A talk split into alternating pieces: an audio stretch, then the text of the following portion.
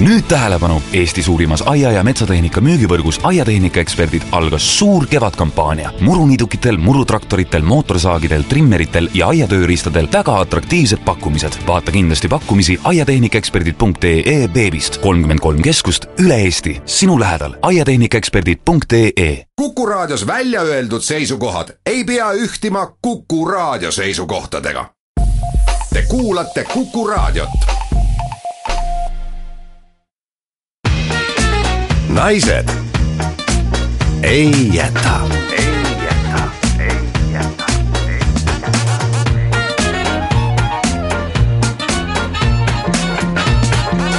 naised ei jäta tere hommikust, on laupäev, üheteistkümnes juuni, algas teine osa saatesarjast Naised ei jäta Soome minemata. naised, kes sinna ei jäta minemata, on Marit Tummelas ja Kristi Kool. ja täpselt samamoodi nagu möödunud nädalal ei oska me ka täna öelda, palju kell on. sest me oleme ikka veel Soomes siin on hoopis teistmoodi kõik. siin on hoopis teistmoodi ja, aga väga huvitav on. mõned asjad on äh, teistmoodi paremini, mõned asjad nii hästi ei ole. Äh, asjad, mis on hästi, on see, et meil on väga tore hotell ja eile õhtul me tegime sporti. Noh, sest me teeme ju sporti nüüd kogu aeg. me oleme väga sportlikud olnud terve selle kevade ja loomulikult ei saa me ka jätta Helsingis siis sportimata, aga kuna me jõudsime hotelli väga-väga hilja õhtul ja ei julgenud päris üksinda hakata nüüd mööda öist Helsingit seiklema, iial ei tea, millised sõdalased meid kaitsma ei tule. ja sõdalased võivad tulla kaitsma ja siis igasuguseid huvitavaid kohtumisi võib, võib juhtuda, juhtuda, eriti raudteejaama piirkonnas. ja siis äh, me otsustasime, et me teeme hotellis sporti. ja see osutus täiesti heaks mõtteks ja ideaalseks sportimispaigaks, sest hotellis olid pikad-pikad-pikad koridorid ja selgus, et neist moodustus staadioniring. ja lisaks kõigele oli seal ka väga-väga-väga pehme vaip, nii et kui me sealt pläta-pläta jooksime, siis tegelikult keegi ei kuulnud ja no siis me jooksime ühe ringi, siis meil jahtus hind maha, sest Marit oli pannud Endomondo tööle, et me saaksime noh, kõik ikkagi kõik parameetrid ja asjad saaksime ilusasti jäädvustatud, siis selgus, et nojah, meil oli ju katus pea kohal, Endomondo ei leidnud meid ülesse. tühjagi, aga me saime teada, et me kulutasime kümme kilokaloorit, nii et me jätsime sinna koridori siis kümme kilokaloorit jaa, aga täna on meil teised inimesed, teised kohtumised, teised kohad. me läheme eh, külla kohta, mis esimesel pilgul toim-, tundub eh, pisut võib-olla ehmatav või kurvastav, aga tegelikult saime me sealt väga hea kogemuse. me käisime juttu ajamas doktor Irja Õunaga ja ta töötab Helsingis hospiitsis. siis me käisime Kristiga raadios, sest me loomulikult ei saa ju ilma raadiota hakkama, ei Tallinnas, ei Helsingis ja pressisime jala ukse vahele terve Soome ainukesse eestikeelsesse raadiosse, Finest FM ja käisime külas nende hommikuprogrammil. see oli väga huvitav kogemus, see oli väga särtsakas kogemus. jah, ja pärast ajasime veel omakorda ise juttu raadio peatoimetaja Enari Maistoga ja ka uudistetoimetaja Kristiinaga ning siis teises tunnis me käime korraks Helsingis olles ära Eestis. see tähendab seda, et me läheme Eesti saatkonda. Eesti saatkonda läksime me lihtsalt sellepärast, et tundub väga tihti, et pool Eestit on juba omadega Soome jooksnud. ja keegi peab neid ju seal kuidagi ohjama, nende muresid lahendama ja seepärast rääkisimegi peakonsul Liina Viiesega. ja siis saate lõpus meil oli jälle üks eksperiment, mis see oli ja kuidas see läks, seda me praegu ei ütle. me ei saa öelda. me ei saa öelda, sest et me ei tea, mis saama hakkab. Te peate selle saate ilusti rahulikult ära kuulama ja siis saategi teada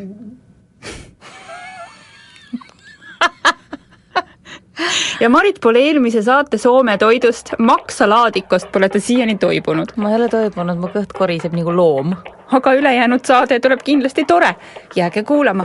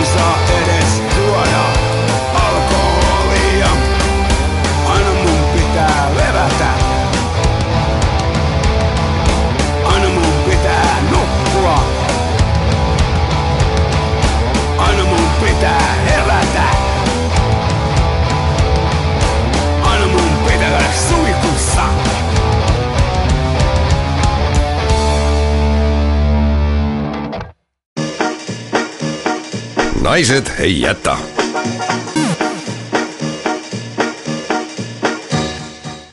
Teema, mis meid Soomes ka väga huvitas, on äh, Soome meditsiin, Soomes äh, haige olemine, Soomes terve olemine. see on teine teema, kus me vaatame Eestis natuke, natuke Soome poole, tundub, et seal on kõik palju parem.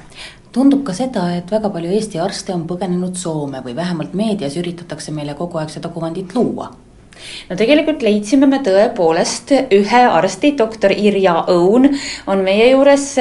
me oleme Terho Kodi äh, hospiitsis, mis on haigla inimestele, kes siit elust ühel või teisel põhjusel on lahkumas. doktor Irja Õun, teie töötate siin, aga te olite arst enne ka Eestis ja teie tulekuaeg jääb päris kaugesse aega. jah, nii ta on, ma tulin siia teisel jaanuaril aastal tuhat üheksasada üheksakümmend üks. ja tollal äh, oli juba natukene kergem Eestist minna mujale tööle. muidugi neid põhjuseid seal taustal on ju mitu. see oli äärmiselt kitsas aeg, minuealised inimesed teavad, mida see oli.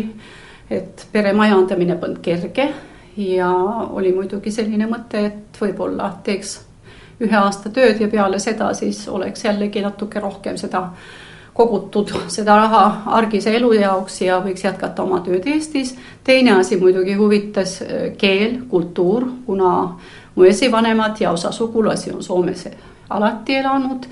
Äh, soome keel on ema piimaga saadud, mul oli huvi tutvuda oma juurtega ja muidugi kolmas asi, vaadata, kas ma arstina saan ka hakkama siin riigis.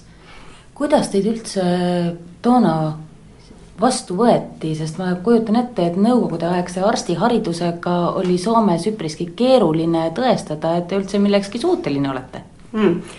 no ja selleks, et üldse hakata tööle arstina, sa pidid tegema keeleeksami.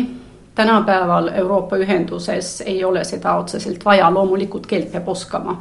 kuidas võib suhelda inimestega, kui ei valda nende emakeelt aga siis oli kohe esimene eksam, nii et teisel kuupäeval, kui tulin, ma käisin eh, kõigepealt sooritamas eh, nii suulise kui kirjaliku keele eksami ja siis juba see tõend käes läksin edasi Lahtisse, Lahti linnahaiglasse, kus oli juba pool aastat enne seda kokku lepitud, et ma tulen aastaks sinna tööle.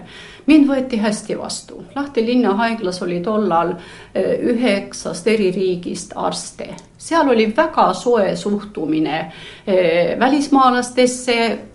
see oli niisugune rahvusvaheline seltskond ja ees oli ka üks Eesti arst enne mind, kuigi ma ei teadnud sinna minnes ja minu olukord oli veidi teine.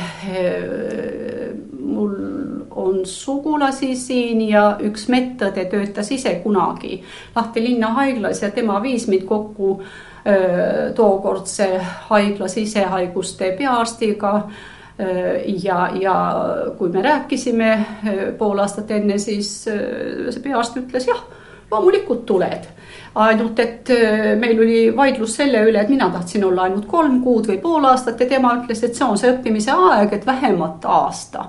ja siis ma võtsin veel mitu kuud mõtlemisaega, enne kui otsuse tegin, sest ega pole kerge minna pere juurest ära, siis ma tulin üksi.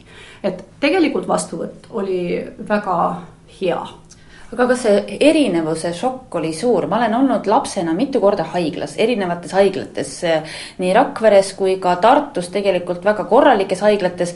aga no kui ma mõtlen selle peale tagasi, milline see kõik seal välja nägi, ma arvan, et see vahe, kui te tulite siia, oli väga suur.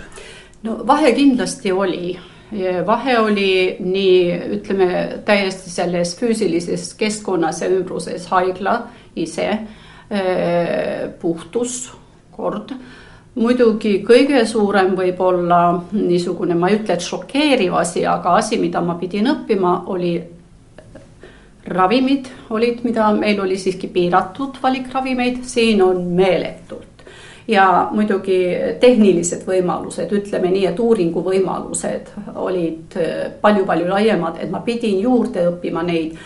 et eh, esimesed kolm kuud mul oli kogu aeg niisugune võrdlev tunne, et ma ei teadnud, et kas ma oskan ja tean nii nagu nemad siin või öö, mitte. kolme kuu pärast ma sain aru, et minu Tartu Ülikooli öö, saadud arsti kutse ja õpe pluss see, mida ma olen loomulikult täiendanud hiljem oma töös, et see on täpselt samal tasemel. See on tugev, see kliiniline, see tööoskus on olemas. Need asjad, mis puudutavad ravimeid ja, ja muid, need tulevad ju õppimisega juurde. Teie eriala ei ole ka just lihtsate killast ma mõtlen just seda aspekti, et te tegelete nende patsientidega, kelle elupäevad hakkavad siin otsa saama, et kuidas te sellega emotsionaalselt toime saate? Noh, erialasel peab mainima, mis eriala see on, see on palliatiivne meditsiin, aga noh, rahvakeeles ütleme sümptomaatiline ravi eh, haiguste puhul, mida ei või enam välja ravida.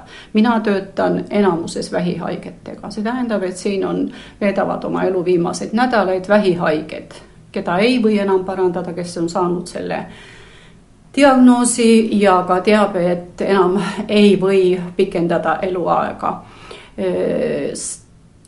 loomulikult see on emotsionaalselt koormav, aga küsimus on ju professionaalsuses vahe peab tegema selles, et kas see on minu lähedane või ei ole.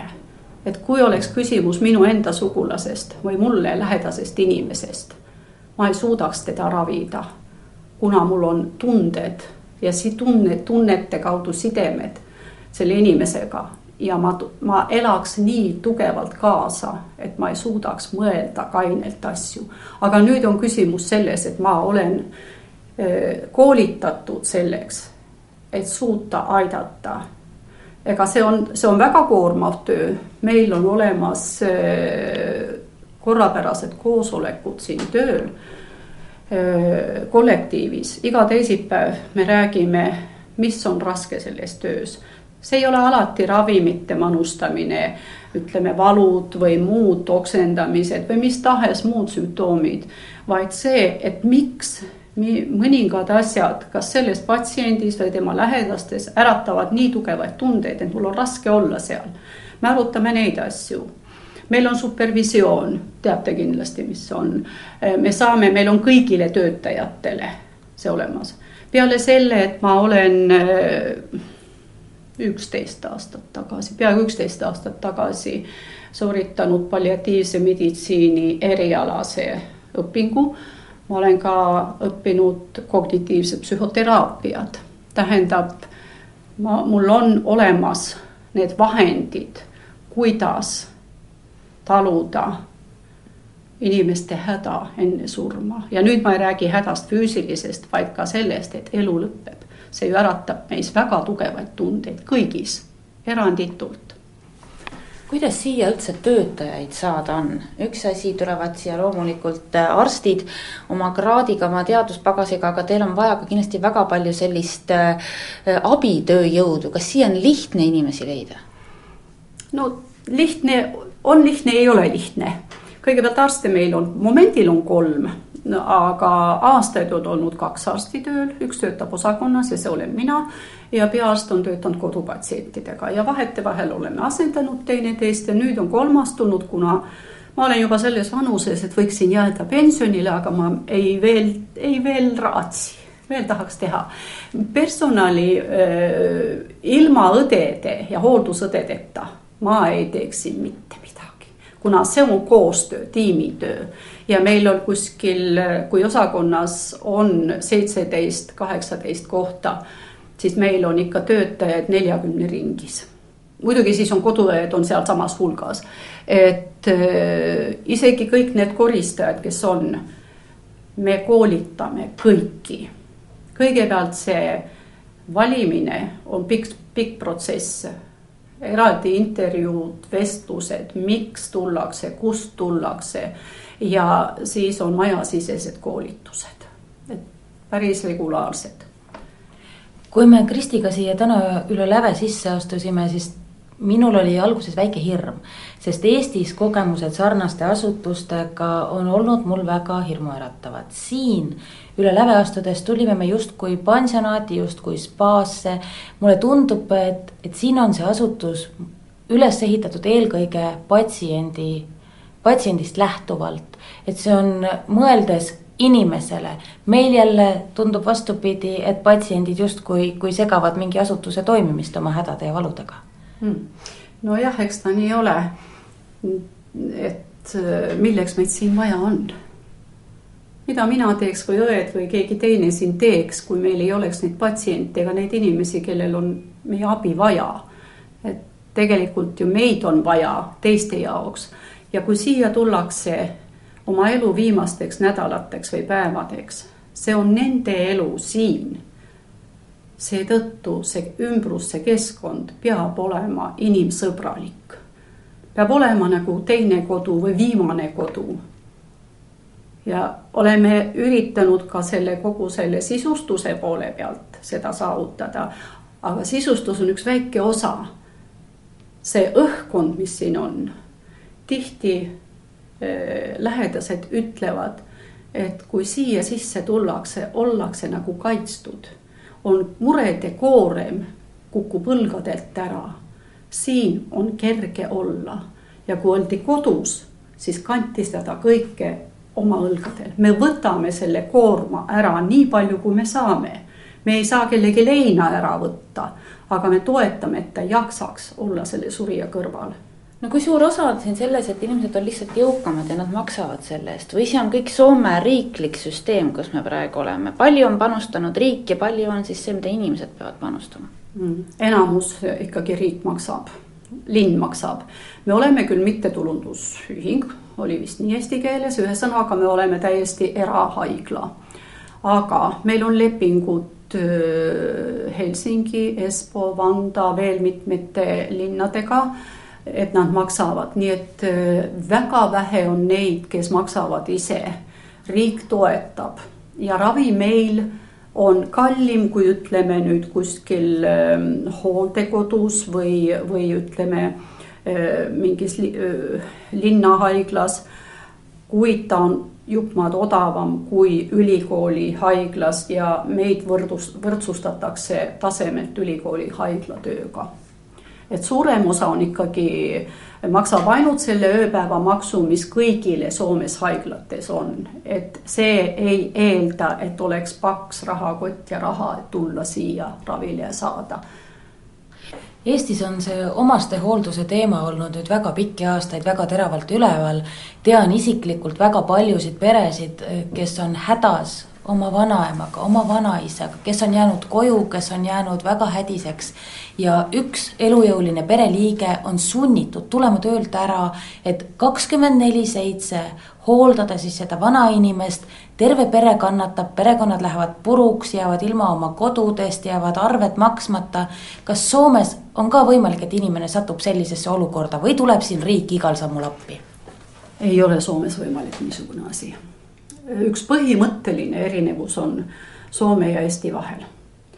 Soome on üles ehitatud, Soome heaoluriik on üles ehitatud tulumaksudele, tähendab kõrged tulumaksud tagavad selle, et meil on olemas tervishoid, sotsiaalkindlustus, koolitus, ühiskondlik transport, nii edasi, nii edasi Eestis on siiski see maksuprotsent on madalam, seal ei ole öö, nii kindlustatud tervishoid ja sotsiaalsfäär ja Eestis on põhimõtteline erinevus selles, et lapsed on kohustatud aitama oma eakaid vanemaid või nojah, põhimõtteliselt vanemaid.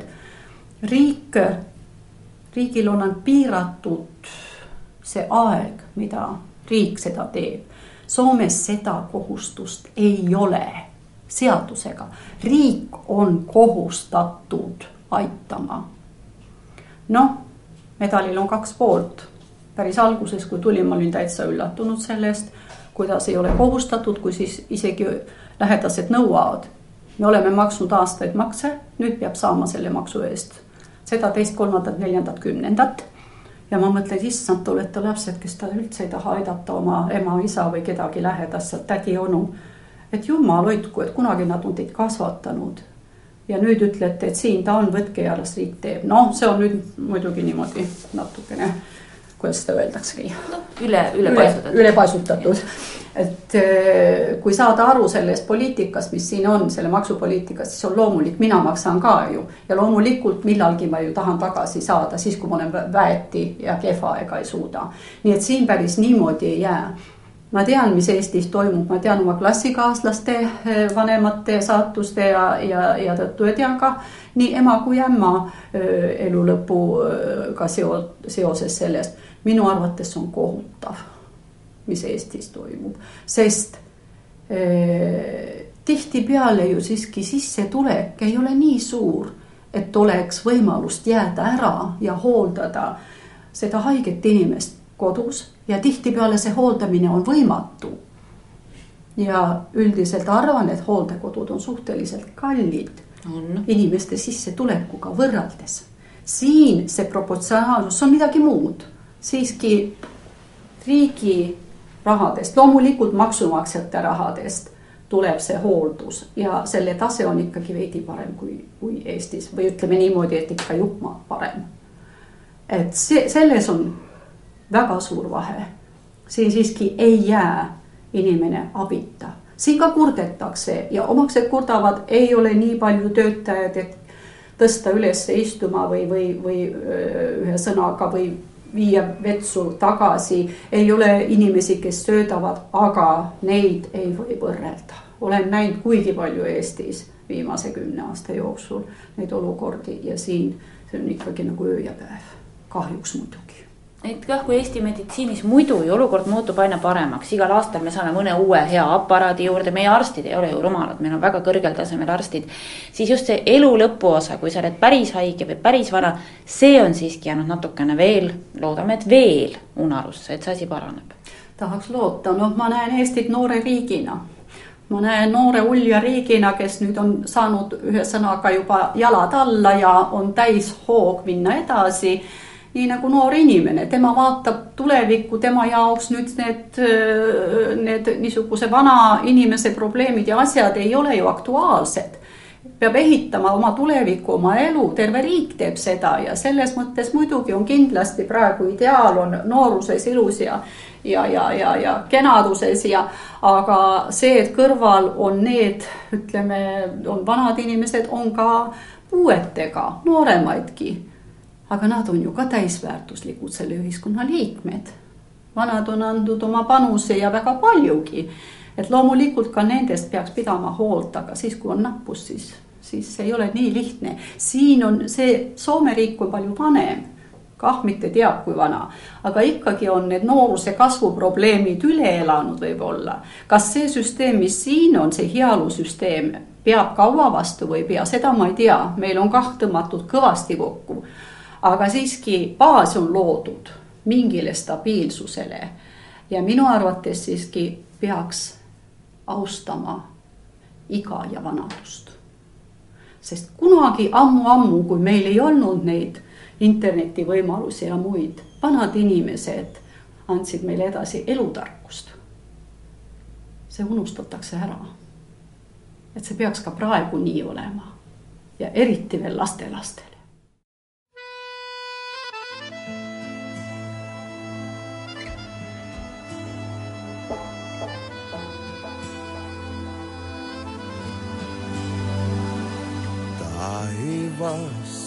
Silmis heijastuu ja hetken kauniin elää saa. Tää yö mut saa jälleen toivomaan, sut nähdä saisi uudestaan. Tunsitko taivaan kaartuvan? Siivillä selkääs koskevan. Kuiskasin sen, et kuullut sua rakastan. loistaa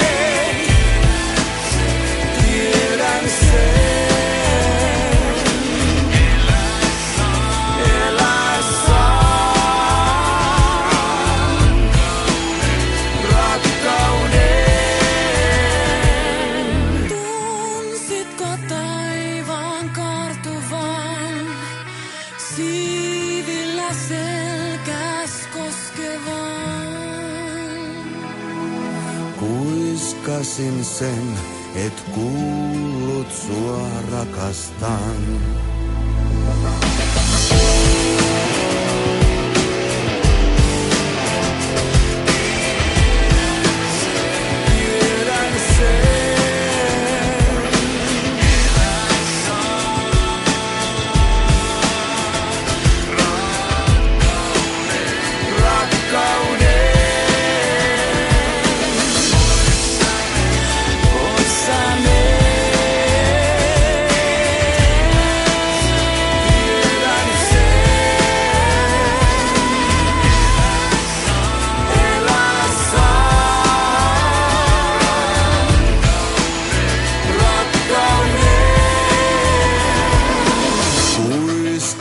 Kuiskasin sen, et kuullut sua rakastan.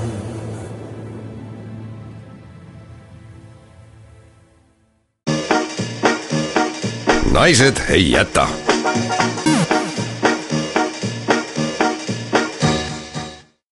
täna hommikul tulime Maritiga raadiosse, sest isegi kui me viibime võõrsil, me ei saa ju raadiost eemale jääda.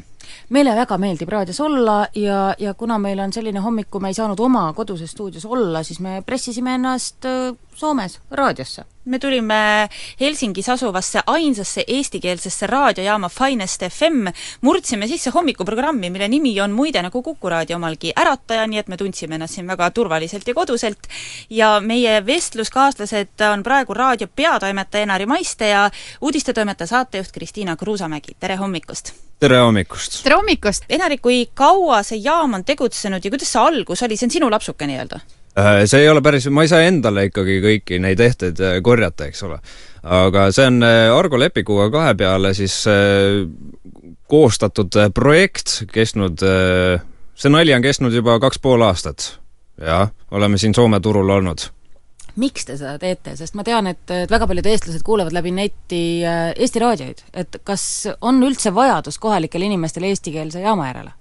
No siin on äh, jah, selline vaidlemise koht, eks ole, et äh, osad inimesed, kindlasti on neid, kes kuulavad äh, läbi interneti, ka meid kuulatakse läbi interneti. kuulatakse üle Soome erinevatest linnadest, kuulatakse ka Eestist, et meil on nädalas umbes neli tuhat inimest, kes meid Eestis kuulab. järelikult me eristume piisavalt, me räägime siin, siinsetest asjadest, me räägime Soome elust-olust, eks ole, ja see sisu ongi see eh, millega me eristume. Teil on eh, naistesaade, eks ole, Naised ei jäta, see on nišisaade, meil on eh, eestikeelne raadio Soomes, ehk siis me räägime, mis siin Soomes kohapeal toimub ja kuidas meie seda asja näeme, mis Eestis toimub. Kristina, sina oled uudistetoimetaja, kui sa koostad plokki, kas esiuudis on see, mis on juhtunud Soomes või see, mis on juhtunud Eestis? Äh, no esimesena tuleb kindlasti see, mis on Soome ja siis lähen rahvusvaheliseks. Ja, Aga- rahvusvaheliseks sa ei mõtle Eestit, eks ju? sa mõtled teisi Äh, riike ka? Eesti ka, aga teisi riike ka, mis on just äh, päevakohaline teema. kui on suuremad õnnetused, suured otsused, mis on Euroopa Liidus näiteks vastu võetud ja nii edasi. et mis puudutab nagu üleüldse maailma aga kui on Eestis lihtsalt olnud mingisugune väiksem poliitiline olukord või, või ütleme, et mingi seadus on vastu võetud, siis tegelikult siinset eestlast see väga enam ei puuduta.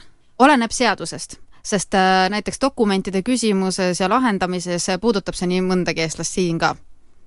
näiteks passide kehtestamine, nendega tegelemine, kas on siin see võimalik ja milline on uus seadus vastu võetud ja nii edasi. kooseluseadus ka võib-olla natuke. no see kindlasti kütab kirgi ka siin, jah, ongi noh, nii? autodega see, autodega seoses on väga palju küsimusi, et neid küsimusi, mis seose, seostab just nagu Soomet ja Eestit, on tegelikult väga palju. Aga lihtsalt eh, esialgu see tundub, et mis me ikka poliitikast, aga on teisi küsimusi, mitte ainult poliitika. sellised pealispindsed, ega hommikuprogrammis käsitleme ka äh, hästi sellist koorekihti, ütleme niimoodi, kui on valimised, räägime loomulikult sellest ja nii edasi, et et väga süvitsi nagu ei lähe, jah kui palju teie raadios saavad üldse sõna soomlased, sest te ju viibite Soomes, te teete Soomes elavatele inimestele raadiot, kui palju saavad soomlased sõna?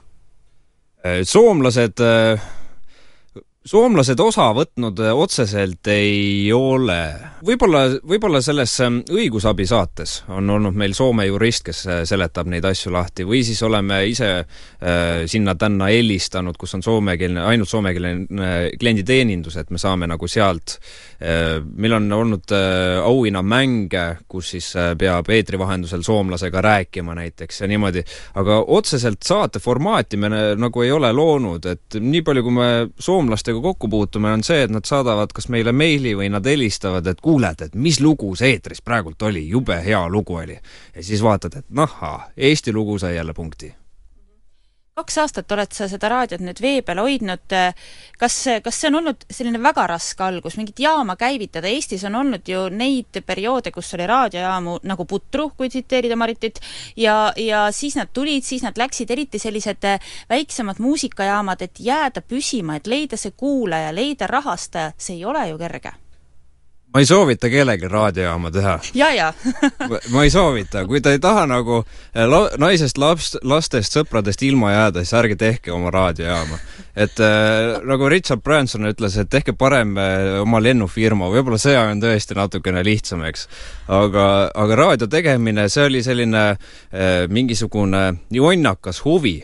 mina olen olnud raadiost väga-väga kaugel kaks-kolm aastat tagasi ma ei teadnud äh, üldse, mis asi raadio on, eks. ma loodan, et sa oled raadiot kuulnud. ma olen kuulnud, eks ole, et mingisugune sagedus, eks ole, ja sealt ja netist ja siit ja sealt, aga et äh, mis see tegelikult on, polnud nagu õrna aimugi. mina olen turundustaustaga inimene ja Argo Lepik siis oli see, kes pani siin mingisugused puldid ja mikrofonid püsti ja tegi selle netiraadio ja siis ma mõtlesin, et aga see on hea idee iseenesest, eks ole. turg on ju vaba, on ju et äh, sellist raadiot ei ole olemas ja äh, nüüd ma saan aru ka, miks ei ole olemas, sest see asjaajamine, bürokraatia on siin nii metsikult äh, keeruline ja esiteks kallis. Kui me nüüd võrdleme, ma tean Eesti hindasid ka, et seal nende süsteemide hindasid, et võrreldes Eestiga on ikkagi väga-väga kallis et äh, aga, aga ma tundsin nagu, et see asi on puudu ja Soomes elab nii palju eestlasi, et äh, see on, see on nii mõnelegi äh, valdkonnale tähtis sihtgrupp ja, ja tegime sellise meediumi, mille vahendusel siis sõnumit levitada Soome eestlasteni. ja siin ainult ei ela ainult eestlased, vaid siin on neid, kes tulevad ka nagu külla, ehk siis äh, tulevad äh, naised-mehed sõpradele külla, pluss veel läbisõitvad tööinimesed, rekkainimesed ja nii edasi, neid on tegelikult väga-väga palju. jaa, kusjuures kusjuures rekkainimesed ka, et ma olen isiklikult ühe korra kokku puutunud ühe rekkamehega, kes oli stuudio ees äh,, uitas ringi ja otsis midagi ja ma vaatasin, et äh, ta on vist ära eksinud. ma läksin juurde ja küsisin eesti keeles, ma nägin, et Eesti registris olev rekka oli, küsisin, et äh, äkki soovite abi, et otsite midagi, jaa, et see logistikakeskus, kas teate, kus on? ma ütlesin, ma ei tea. aga lähme ülesse kontorisse ja vaatame netist, kus kohas see siis on, on ju ja läksime siis üles, avasin stuudio ukse ja tulime stuudiosse ja siis ta oli sõnatu ja ta ütles, ah, siin te siis seda raadiot teetegi või? et, et tema oli lihtsalt rekkamees, kes kord kaks nädalas siin Soome vahet viskab kauba maha, läheb tagasi Eesti, eks. et ka nemad kuulavad.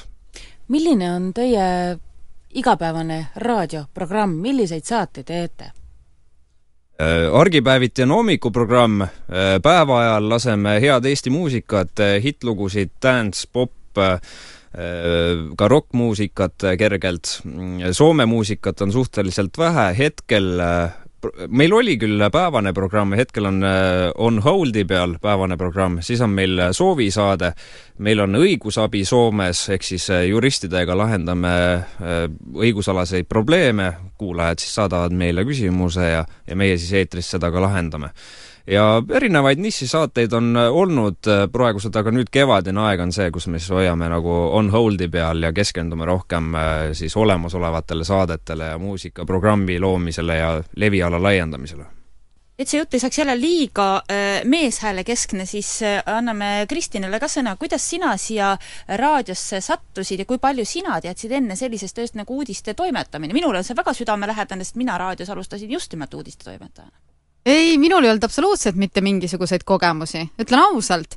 ja uudiste valdkonnas on äh, selline tüüpilise inimese kohta nagu ikka, avad mingisugused lehed, loed pealkirjad läbi ja mõne uudise võid, loed võib-olla ka sisukamalt natukene läbi, aga et sa nagu nendega hakkad põhjalikult tegelema ja hakkad uurima, mis on nagu reaalselt ka oluline ja päevakajaline teema, sellest ei olnud õrna aimugi. kas lipsab ka soomekeelset sõna? Äh, uudiste ettelugemisel kindlasti mitte. aga kui niisama rääkides äh, juttu siin ütleme, et hommikuprogrammis, äh, jaa, tuleb ette. see, see on paratamatus, et millegipärast mõned sõnad, soomekeelsed sõnad kipuvad tulema sinna vahele. ja siin elades paraku kõik saavad aru, mida me mõtleme eriti keeruliseks teeb muidugi ka see hommikuprogrammis, et kui me räägime siin uudistest, mida kirjutavad Soome väljaanded et siis äh, me peame nagu peas sisuliselt käigu pealt niimoodi nad ära tõlkima ja siis ette kandma eesti keeles, et siis tihtipeale on seda, et me lihtsalt loeme mõnda asja soome keeles lihtsalt ette, et et oleks arusaadav või noh, juhe jookseb ühesõnaga kokku, et see on jah, see point. ja kusjuures äh, siis, kui sa tõlgid seda, siis sa pead olema kindel, et sa tõlgid õigesti, et sa saad sellest täpselt aru, mida seal kirjutatud on et tihtipeale võib olla tõesti, et sa loed selle läbi, aga sa ei pruugi endas nagu kindel olla, et see täpselt on see, mida mina mõtlen vot see on nagu ka veel see teine nüanss. lootust teid näha tagasi Eestis on vist nullilähedane, teil on ju siin raadio äh, mina ütleks, nagu ma olen kõikidele tuttavatele ka öelnud, et äh, risti ei löö mitte millelegi ette. et äh, ma tihtipeale ei teagi, mis mind homme ees ootab. kui tahad Jumalat naerma ajada, siis räägi talle oma plaanist ja täpselt nii see ka on, on ju. et kui ma kunagi väitsin, et ma ei lähe Soome, siis noh, palju õnne, nüüd ma siin olen ju söön oma sõnu, nii et vähe ei ole. et äh, kas ma lähen nagu Eesti tagasi, ma ei saa öelda ei, ei, ei ja ma ei saa öelda ka jaad. no minu puhul ausalt öeldes mul on ükstapuha, kus ma olen. see Soome-Eesti vahe ei ole nii, nii pikk, eks ole, kui ma tahan, ma käin seal Eestis, kui ma tahan, olen siin, aga noh, igapäevatoimetused ja sõbrad ja ja kõik need on nagu kujunenud siia, eks ma olen äkki kaheksa aastat olnud siin Soomes, et selle aja jooksul on tekkinud nagu oma elukeskkond, oma kodu siia, eks, ja kui ma Eesti lähen ja kui ma seal käin, ma üldjuhul üle kahe päeva seal vastu ei pea, siis ma juba tunnen koduigatsust, et äh, ikkagi need vanad tuttavad, okei okay,, sa lähed ja räägid, aga väga palju ega nendega rääkida ka ei ole, eks ole, ja siis sa muheled seal ja siis sa nagu ei ole noh, midagi teha selles mõttes, et äh, kuidagi võõra, võõraks on jäänud see keskkond, eks ole.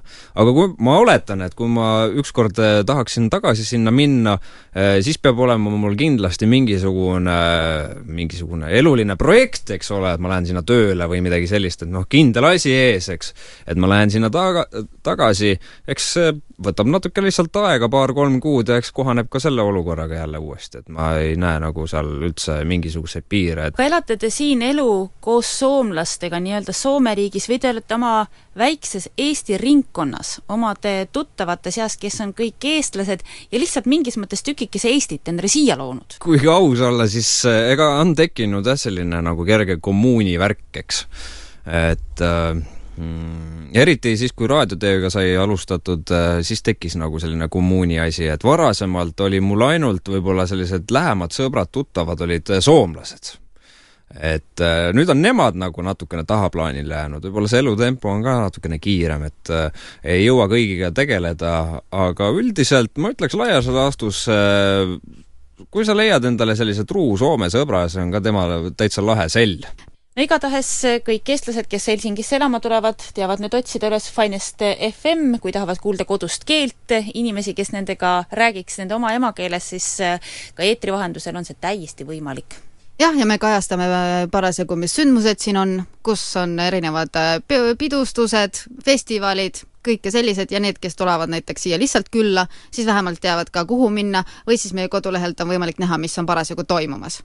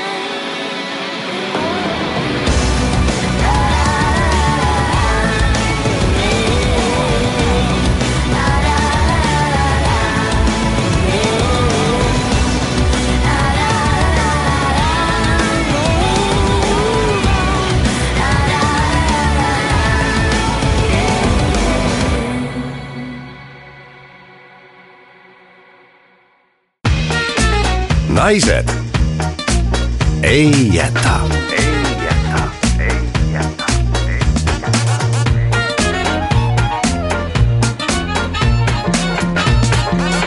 naised ei jäta tere hommikust, jätkub erisaade Naised ei jäta Soome minemata. Soomes on Kristi Kool ja Marit Ummelas. eelmises saatetunnis äh, käisime me eestikeelses raadiojaamas, mis Helsingis tegutseb, äh, raadiojaama nimi on Finest FM.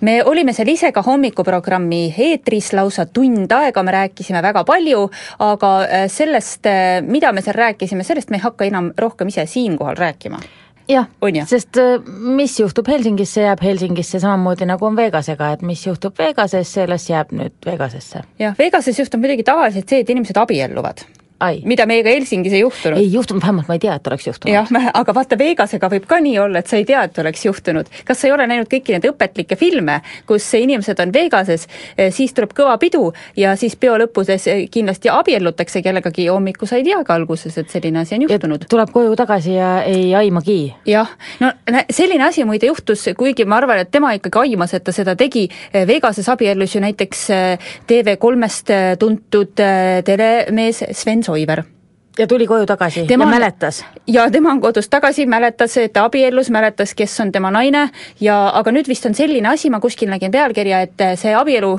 mis on Vegases, see jäigi Vegasesse, ehk siis praegu nad veel nende seaduste järgi siin abielus ei ole. samas mul on hea meel, et nad said Vegasest tulemata, sest ma olen näinud ühte pikka mängufilmi seda, selle kohta, kuidas üks mees kuidagi ei saanud Vegasest tulema.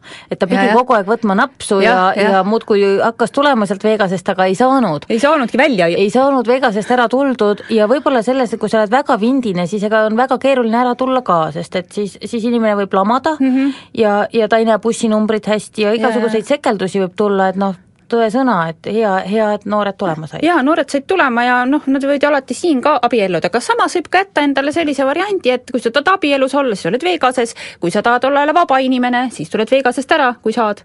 jaa, aga kui sul on väga heitlik meel, vaata jube kalliks läheb, et sa muudkui lendad seda Vegase vahet ja siis kõik, oh issand. jah, ei, selles mõttes on väga hea, et me Vegasesse minema ei hakanud, kuigi samas ära, ära aja mulle isu peale, mind juba hakkas, hakkas huvitama see Vegase värk, ma ei ole seal kunagi Jah, käinud. ei ole ka käinud. ma olen filmis näinud, aga, aga samas on mingi telesari selle kohta, kuidas Vegases on palju mõrtsukeid. Aa. see natuke hoiab tagasi. see hoiab tagasi jah, samas muidugi kui pulmakleit kangastub, siis peaks ikka minema. no mõtleme selle peale, meil on, meil on aega mõelda. ma ei tea, mis mu mees ütleb selle peale. me talle ei ütle Aa, okei. mis on Vegases, see jääb Vegasesse, tema jääb koju. jaa, keegi peab lapsi hoidma. just, nii et see asi on ka nüüd selge. selles saatetunnis äh, meil on plaanis jutuajamine peakonsul Liina Viiesega, kes räägib, millega saatkond ja konsulaat neil päevadel Helsingis üldse tegeleb. ja peale seda teeme me Kristiga ühe pisikese eksperimendi, millest tegelikult sõltub kogu meie edasine saatus. jääge kuulama. Wow.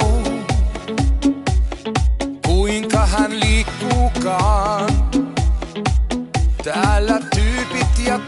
tanssilattia on hänen on kokonaan. Sua alkaa haluttaa mennä mukaan ja yhtenä yönä ees nauttii ja unohtaa.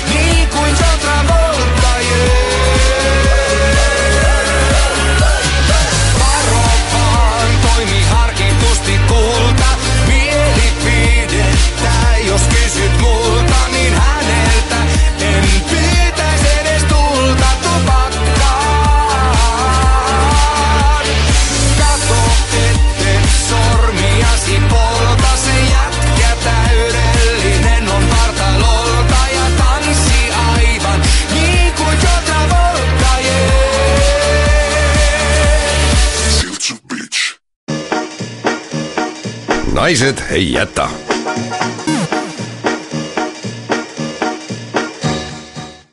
kui tulla Helsingisse, siis tegelikult on Helsingi sadama lähedal, kaunis pargi serval, üks väike lapike Eestit. astud väravast sisse ja tegelikult faktiliselt me oleme Eestis.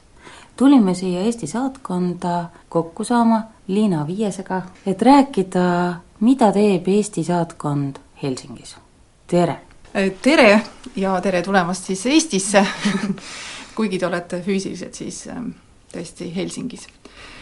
Eesti saatkond ja Eesti saatkonna konsulaarosakond on siis see hea algus ja vahel ka lõpp-punkt, kus, kus saavad abi nii siia rändama tulnud eestlased kui ka siin elavad eestlased ja alati see ei olegi nii abivormis, vahel on ka hea sõber, kes annab nõu, mis võib ju konsul olla Äh, või siis äh, vahel oleme ka see õlg, kelle, keda me, kelle najal natuke nutta ja oma muret ära rääkida.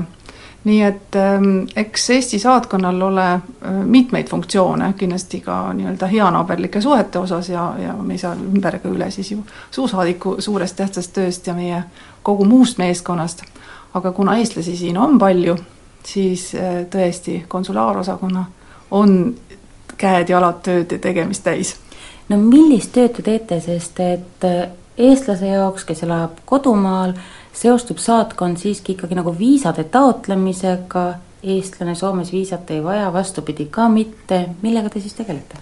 et alustame siis võib-olla tõesti vaatenurgaga sealtpoolt, et kui eestlane hakkab siis äh, rändama ja, ja esimene reisisiht on näiteks Helsingi või, või kas siis läbi sõites või või, või ongi soovid soovib minna näiteks, ma ei tea, Turulinna vaatama või, või äh, Muumimaale või no lastega suvel rändama, siis äh, kõige esimene asi, mis nende nii-öelda ränduritega meil siis juhtub, on enamasti see, et hästi lihtne on osta, osta laevapiletid, äh, need saab ju internetis klõps-klõps ära broneerida, ja siis see hommik või siis näiteks laevasadamas ulatatakse usalduslikult oma ID-kaart ja siis ütleb Tallinki töötaja, aga teie dokument ei kehti.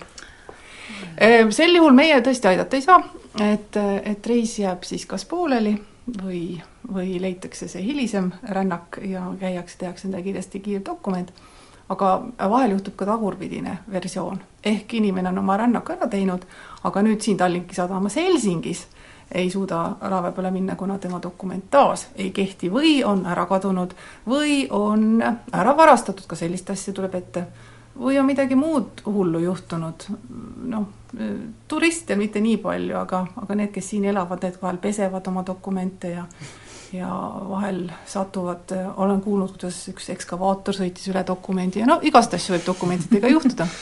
et mida siis saab küll saatkond aidata.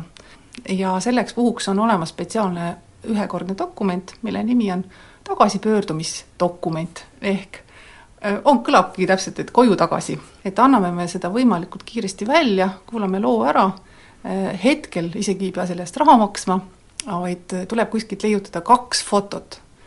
et siis ühe liimime tema taotluse peale ja teise läheb uhkelt dokumendi peale. Ja see dokument on tõesti selline lihtne, selle me saame saatkonnas välja trükkida ja, ja väikeste siis viperustega siis inimene uuesti sadamasse saata et õnneks neid laevu läheb ju palju eh, Helsingist Tallinna poole, et ei läheb lihtsalt hilisema laevaga, et pole see asi nüüd nii hull aga need inimesed, kes tulevad siia juba kas pikemaks või lühemaks ajaks tööle või elama, on nad üldiselt juba nüüd paremini ette valmistunud, sest et tegelikult Soome ju tullakse päris palju, siin on kindlasti kõigil juba mõni tuttav, kelle käest nõu küsida, aga miski ütleb mulle, et ei, siiski te puutute kokku ka nende inimeste probleemidega, ei ole piisavalt eeltööd tehtud. No ma ei ütleks, et asi nüüd nii katastroofiliselt hull on, pigem on, et küsi, küsi õige inimese käest nõu, on võib-olla selle teema nimi.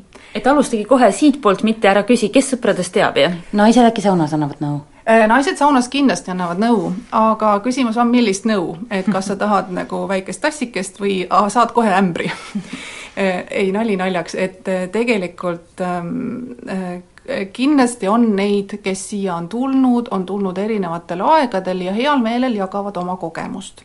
Aga aja jooksul on üht-teist muutunud ja võib-olla see, kuidas kunagi sai, sai või võis või tohtis, ei ole nüüd aja jooksul enam pädev. ehk ta ei ole enam, see, see, sa paned sellega olukorda ka teise inimese, kes üritab siis samamoodi noh, nii-öelda mingit versiooni lahendada. me ka sageli me satume sellistesse olukordadesse, kus asi on juba läinud hapuks, ütleme niimoodi, et et keegi on andnud head nõu, inimene on täiesti veendunud, et temale nii öeldi, tema saab niimoodi asjad tehtud, aga siis, kui ei saa, et siis on, siis on nagu hästi kiire ja kuri karjas ja kohe-kohe ja ja, ja konsul tule ja aita.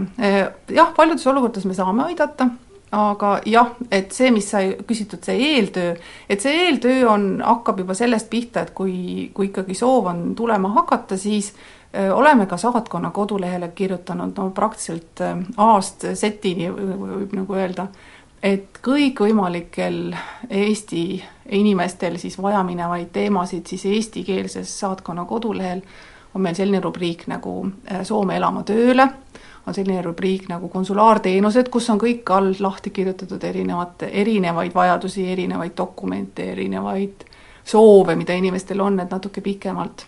ja lisaks on meil ka üks uus rubriik, arvake ära, mis see on?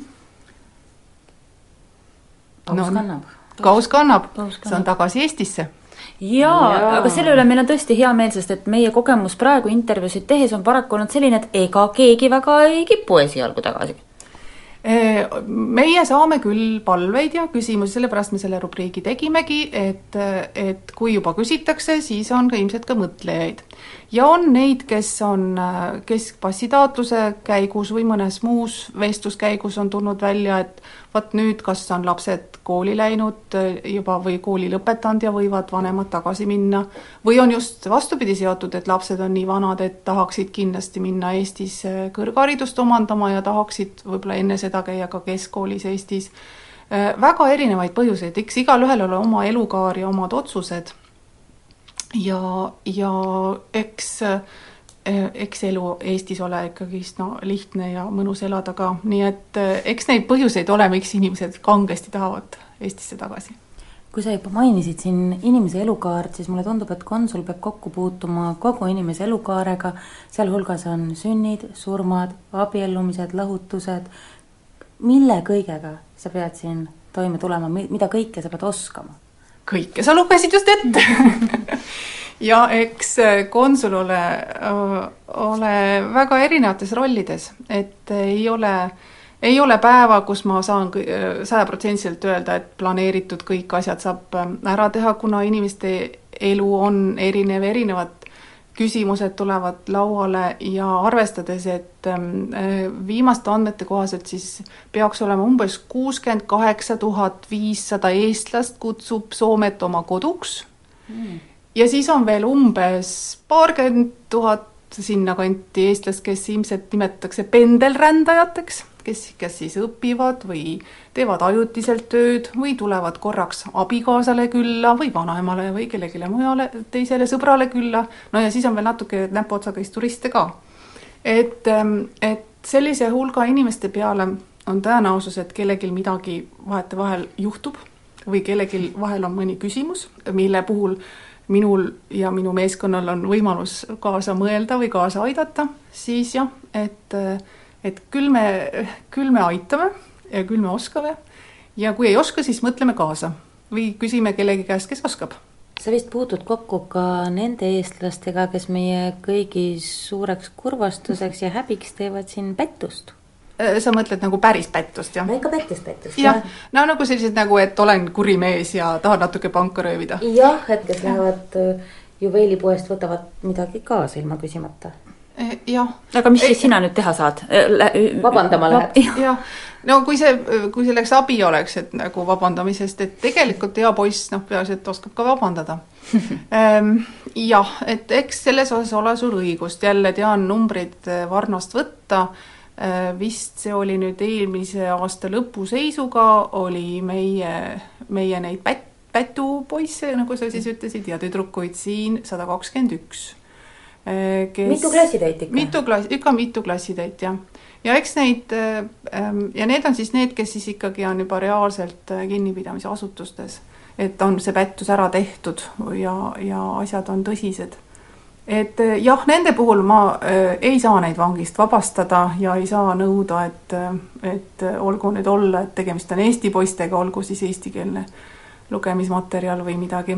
et mida ma saan teha, on tegelikult üsna universaalne ja kehtib ükskõik mis riigi koha pealt, on see, et kui inimene on kinni peetud, et ta võib nõuda, et sellest teavitataks kindlasti konsulit jah, ega me süles kedagi sealt politseimajast ära ei too, aga mida me saame teha, et jälgime, et kõik käiks vastavalt protseduurireeglitele.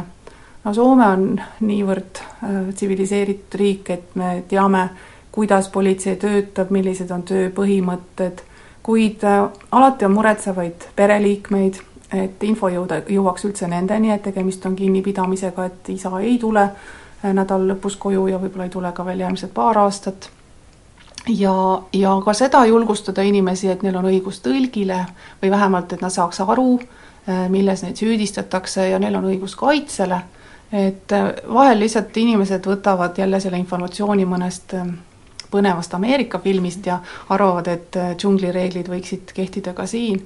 ja, ja ka kinnipeetutel on noh, kogu selle nii-öelda nende kinnipidamise jooksul mõned mured et ka neid kuulame neid hoolega ja vaatame, kas me saame kas siis nende endi, vangla sotsiaaltöötajate või, või nende pereliikmete kaasabil neid muresid siis lahendada.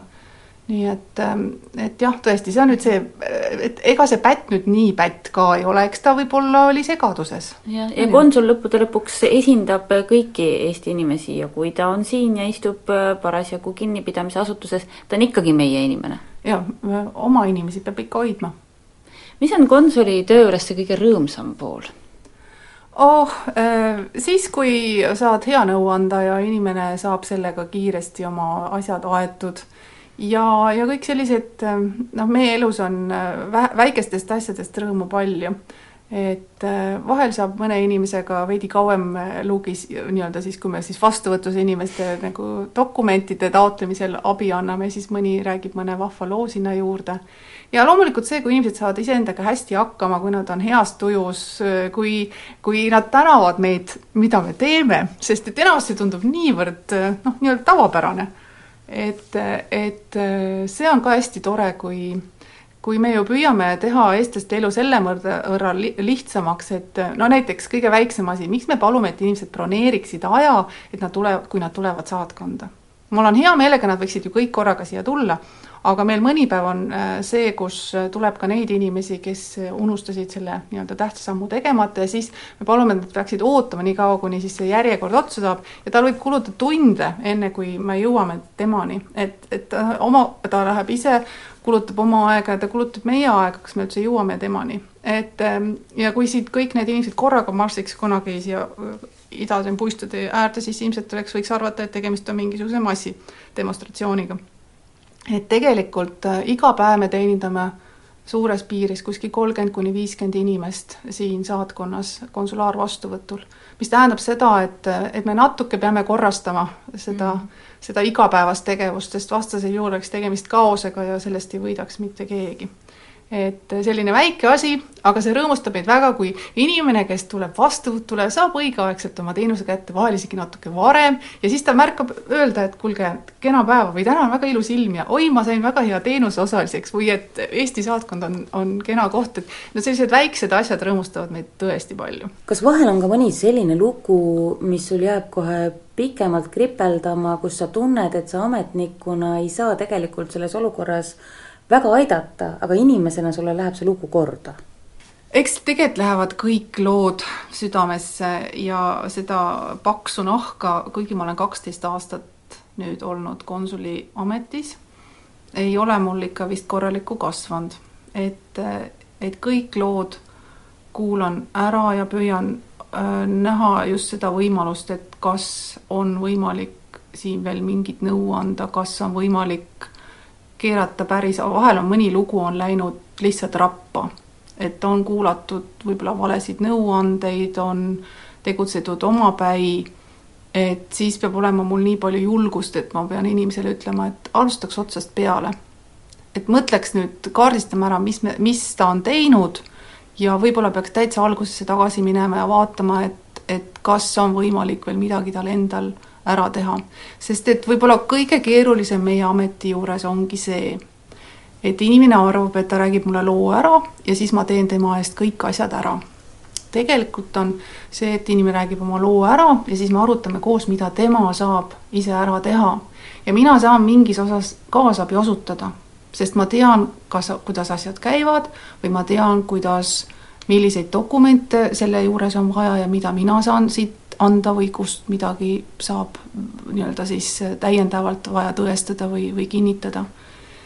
Ja lood, mis mul endiselt kõik on minu väikese südame sees, on kõik need lood, mis on seotud Eesti lastega, mis, kes elavad Soomes, on siin, on juba, käivad kas koolis või on siin lasteaialapsed või vahel on päris imikudki ja mõned on ka sellised noored puberteetikud ja kelle lood on kurvad, kelle lood on sellised, kus nad vajavad abi ja kui kui me oleme kursis, kuidas toimub lastekaitse Põhjamaades, siis ta on kindlasti hulga ennetavam ja võib-olla ka meie jaoks jõulisem, kui seda on hetkel meie lastekaitse Eestis. et inimesed ei suudagi kohe aru saada, et mida, mida võiks sellistes olukordades peale hakata. et võib-olla sellised lood käivad minuga kogu aeg kaasas. aga positiivse külje pealt enamus neid lugusid, mis eelmisel aastal lastega minuni on jõudnud, on peaaegu kõik saanud lõpuks positiivse lahenduse. no igatahes rõõm on see, et eestlased, kes siia Soome tulevad, ega nad on siin päris kenasti hoitud. elu ei ole siin üldse mitte halb. me ootame muidugi neist väga paljusid ikkagi tagasi, lootuses, et tegelikult see Eesti elu ei ole nüüd ka nii halb. meil on lihtsalt, nagu sa, Liina, ütlesid, õppimisruumi oi, meil on väga toredaid asju, no kuule, kus sa leiad sellise, et sa saad äh, kilomeetrite kaupa mööda, no Soomes enam-vähem sama asi, et, et sa saad oma ranna või või et sul on äh, võimalik äh, kõik di-, asju diivani peal ametkondadega suhelda oma digi-ID-kaardiga, on ju, või lapsele nime niimoodi panna ja ja igasuguseid muid toredaid asju, ei, meil on, meil on väga palju häid asju ja ma arvan, et ka teistel on meilt õppida nii et ei ole alati ainult vastupidi, et meie peame kõikide teiste pealt nagu õppima, nii et, et sellepärast me oleme ka siin. me siis räägime sellest, mida, kuidas meie asju ajame ja võib-olla on siis jälle soomlastel üht-teist siit kõrva taha panna.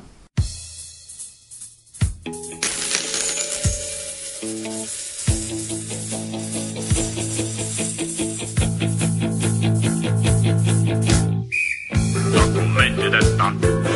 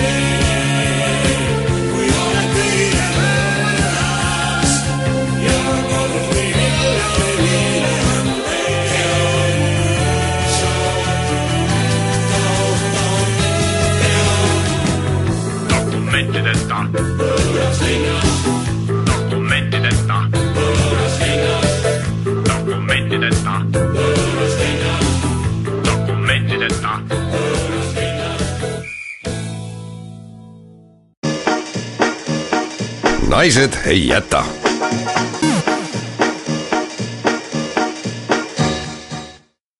räägitakse, et äh, igas sadamas on üks eestlane räägitakse, et seda ütles kirjanik Ernst Hemingway. me päris kindlad selles mõttes ei ole, kas ta just nii ütles, selle me uurime pärast järele. kõigepealt uurime järele, kas igas sadamas on eestlane. meie oleme praegu Kadanaka sadamas, meil on käes silt, mille peale on kirjutatud eestlane ja me oleme ootel. jah, kui eestlane tuleb, siis vasta tuleb nii, me seisame, tulevad inimesed trepist üles. ja, inimesed tulevad trepist üles, vaatavad silti, kuid ignoreerivad seda, ei ole eestlased. Need ei ole eestlased, need ei ole eestlased, nii, ootame. ootame, küll ta tuleb, ootame oma eestlase ära. jah, me seisame siin otse eskalaatori juures ja WC kõrval, sest eestlane võib tulla kust tahes. eestlane võib tulla kas või kempsust, eestlane võib tulla liftist, eestlane võib tulla eskalaatorilt, seega me oleme valvel, me oleme valvel erinevates positsioonides, valmis, valmis eestlase kohe, mis me teeme temaga? no kui me ta kõigepealt leiame ja siis küsime, mis ta teeb siin sadamas. jah, jah, nii, ootame. aga kui me ei leia eestlast? kui me ei leia eestlast, on ikka väga halvasti. mulle tundub, et siis on ainult üks variant. me peame siia ise nendeks eestlasteks jääma jaa, sest me ei saa Eesti rahvast alt vedada, kõik loodavad meie peale. just, et me igast sadamast keegi oleks ja kui selgub, et siin nüüd ühtegi ei ole, siis me peame jääma siia, sellepärast et muidu öeldakse, et Ernst valetas. me ei saa jätta er Ernsti häppi. ei, me ei jäta Ernsti häppi. Ernsti ei saa jätta häppi, sest et Ernst on äh, meile ikkagi armas, sest palju on siis äh, maailmakirjanduses selliseid mehi, kes on eestlasi maininud. just, kõigepealt kirjutanud Vanamees ja meri ja siis rääkinud eestlastest. nii, ootame meil on merekultuuri aasta. just nimelt. siin on. daamid, ei. ei, need ei olnud eestlased. ei olnud. ei olnud, kas nad päriselt ka ei olnud või? ei. ei olnud, nii. aga ootame, tulevad kaks, kaks punases äh, inimest, vist ei ole eestlased. ei ole. taevakene, sadam, kus ei ole ühtegi eestlast. me oleme oma neli minutit seisnud ka juba. kaks kaks minutit oleme seisnud, eks eestlast oodates on aeg pikk ja venib. Eestlast oodates jah, aeg venib. äkki on see proua eestlane, kes just parasjagu üles sõidab, tal on suur kohver.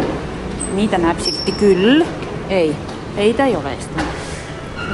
tuleb härra. räägib telefoniga. jaa. äkki on eestlane? ootame, naeratame, naeratame hästi sõbralikult. tee väljagi mina arvan, et ta kardab jälle makki, las ma panen maki siia eestlase sildi taha. ära pane. miks see ei ole aus. ei ole aus, nojah, okei okay.. katkiste pükstega inimene tõusis põrandalt püsti, enne lamas seal. mulle tundub, et ta on väsinud, äkki on eestlane. väsinud eestlane. äkki ta on rändur. rändurmees, jah, võib küll olla. tal tulevad kohe püksid ära. noh, tulevad siis tulevad. peaasi, et on eestlane. jaa, ei ole hullu. ta ei, ta praegu ei näe silti. no jaa, laseme tal rahulikult ennast korrastada, arvan mina. Mis praegu toimub, kas see on juba pääs laevale? jah, selge, me ei saa enne minna mitte, teate, nüüd on lugu niimoodi, kui me oma eestlast ei leia, me ei saa tagasi tulla. me ei tulegi tagasi. me ei tule tagasi. me jääme Soome eestlaseks. me, jah, me jääme siia Soome sadamasse eestlasteks. nii, mina arvan, et need ei ole eestlased, need risti nägugi ei ole. naerata vist ei olnud. ei, vist ei olnud. Huvitav, välismaalased ju mõtlevad ka, et mida me siin seisame ja ootame. Nad ei saa aru. Aga eestlane, õige eestlane tunneb meid ära. kohe, kaugelt. jaa. muudkui naeratame ja naeratame pingsalt. inimesed naeratavad meile pisut kohmetult vastu. ütleme nii, et mõned inimesed, kes tõenäoliselt oskavad silti lugeda, muigavad, aga ligi ei tule. ei tule jah eestlane on ka tagasihoidlik. meil on siin kirjas muidugi ainult eestlane, äkki me oleks pidanud pikema jutu kirjutama. lahene mulle vanem, vanemuine eestlane, astu ligi. arvad, et ta astub ligi või? no ma, ma kardan, et eestlane ei julge ligi astuda. eestlane ei astu ligi, eestlane häbeneb. Eesti rahvas on nii tagasihoidlik, ega meil ei ole ükski teine rahvus ka ligi astunud, võime me öelda. Õnneks ei ole meile ka turvamees ligi ma just astunud. tahtsin öelda, et mul on suur rõõm tõdeda, et ka politsei ei ole meile ligi astunud kuigi me muudkui seisame ja seisame, meenutades veidi Vabaduse sammast, sest lilled on meil ju ometigi peas. loomulikult, et eestlased meid ära tunneks. kaugelt. äkki tuleb mõni meie kuulajagi, me peame ootama. arvad, et meie kuulaja on praegu siin? äkki on, äkki ta on siin. nüüd tulevad küll mingisugused äh, inimesed. vormis inimesed, aiad tulevad ka ja mul on ka selline kleit, ta võib olla eestlane. nii. aga ei tea. Noh, ei, Ei tea, ei tea. ei tea, nii me ei tea. meie kõrval on ka eh, koristusmasin. kui me ei leia ühtegi eestlast, me peame siia koristama jääma. me peame siia koristama jääma, me võime siin koristada kohe pikemalt. nüüd jookseb trepp tühja pikalt ja pikalt. eestlast ei ole, varsti laev lahkub. Me jääme maha. me jääme eestlaseta. me jääme, me jääme eestlaseta, sadam ei jää eestlaseta, sest meie jääme siia, mina ei tea, kes seda saadet Naised ei jäta tegema hakkab. kes võiks tulla meie asemele? paus kannab. ega ei ole Eestis selliseid daame. mina tahaks, et Ene Ergma. oled nõus? Ene Ergma ja Marju Lauristin Jah. hakkavad hommikuti teiega vallatlema. teevad saadet Naised ei jäta. väga kihvt saade tuleks, ma tahaks ise ka kuulata seda kusjuures, tõesti. Hea saade tuleks, väga hea saade tuleks. nii, ootame. vaatame. naeratame. Naeratame. unusta naeratust. palju inimesi tuleb? palju inimesi tuleb? kas nende hulgas on eestlane? ma ei tea. kohe saame teada. ei ole. ei ole, aga härrad naeratasid meile sõbralikult Viisakad inimesed, jaa. nüüd tulevad noored, naeratame. naeratame. äkki laulaks midagi? mida me võiks laulda? eestlane olen ja eestlaseks jään, midagi rahvuslikku või siis mm, midagi tantsulist. tuljak. tuljak, terve vald. terve, terve, terve, terve. jah, just. tuleb äh, mees, kes ei näe ega kuule üldse midagi. ja, ja läheb vahel valele poole. ja siis ei ole eestlane. Tulevad daamid. tulevad daamid, äkki on Eesti daamid. nii. no mina küll ei tea. ei ole. Ei ole. kaheksa Ei. minutit ja selles sadamas ei ole eestlast. Appi, appi. niimoodi varsti on kõik kirjanduslikud äh, tõed ja dogmad murtud jah, ja jalge alla tallutud. ma ei tea, kuidas me niimoodi edasi, me, me kannatame siin. jah, tõsiselt. tähendab, tegelikult me kannatame siin kõik see aeg. järgmisena tuleb välja, et kui Arno isaga koolimajja jõudis, ei olnud tunnid üldse mitte alanud. ära ütle, et nüüd, kui teed tööd ja näed vaeva, siis armastust ka ei tule. jah, ma ei saa aru. meid on eluaeg petetud. kohustuslik kirjandus on meid alt vedanud. Trepp tuleb, jookseb tühja. kas on seal eestlane? eestlane olen äkki on eestlane? nii. no aga vaatame. London ju, vaatame. jaa, äkki on. Proua, tulge lähemale, kas te tuleksite korraks? korraks. me oleme Kuku raadio naiste saatest Naised ei jäta, kas te kaks sõna ütleksite meile? nii äge, daamid, me leidsime eestlased, teate, me tegime eksperimenti, Hemingway on ju teadupärast öelnud, et igas sadamas on eestlane. panime kirja välja, et äkki ongi ja ootasime, mis me ootasime. Meid on seitse. Meid on seitse. seitse eestlast. kui tore. teate, nüüd on hea, et me saame ise ka laeva peale tulla, me mõtlesime, et me peame siia eestlasteks jääma. Sest igas sadamas peab olema ju. jah, siit tuleb neid veel. meil on nii Te hea olete meel. päästetud. aitäh, Aitäh, aitäh, kallid daamid, suur tänu, suur tänu teile. õnnestus, me saame laeva peale minna. nüüd pakime asjad ja läheme rahulikult õhtusöögilauda. me oleme ära teeninud. halleluuja, praise the lord. naised ei jäta niisiis lõppes meie eksperiment, jumal tänatud, hästi, saime koju. aga õige oleks nüüd otsida üles see tsitaat, mis tegelikult Hemingway'l oli eestlaste kohta ja sadama kohta ja ma tegin seda ning tegemist on romaani Kellel on ja kellel pole ehk To have and have not äh, ridadega on Enn Soosaare tõlge ja Hemingway kirjutas nii. ükski lõunavete korralik jahisadam ei ole täielik ilma vähemalt kahe päevitunud ning soolastest meretuultest pleekinud peaga eestlaseta, kes ootavad oma viimase kirjutise eest tšekki. kui see saabub, purjetavad nad järgmisse sadamasse ja kirjutavad järgmise saaga. meie käik oli suhteliselt tõene, sest et me olime Lõunasadamas jaa, seda küll. sest et me oleme harjunud sellega, et, et Põhja-Eesti ja meri ja värk, aga Soomes on ju kõik teistpidi, me Jah. olime lõunarannikul. just nimelt, me olimegi et me olime lõunarannikul mm, -hmm. pea sul on blond. jah. no ma päris tume ei ole, aga noh. no soola, soolased meretuuled peale ja küll ta pleegib. küll ta pleegib, et ma arvan, et kui me seal augustini oleks töllerdanud, siis oleks märksa parem. jah, ja ma loodan, et tšekk nende saadete eest tuleb ka ikka. Palvetame. jah, loodame loodame, et tuleb ja, ja siis eh, saamegi järgmise saate teha ja muide, see plaan meil nüüd ongi. et purjetame koju.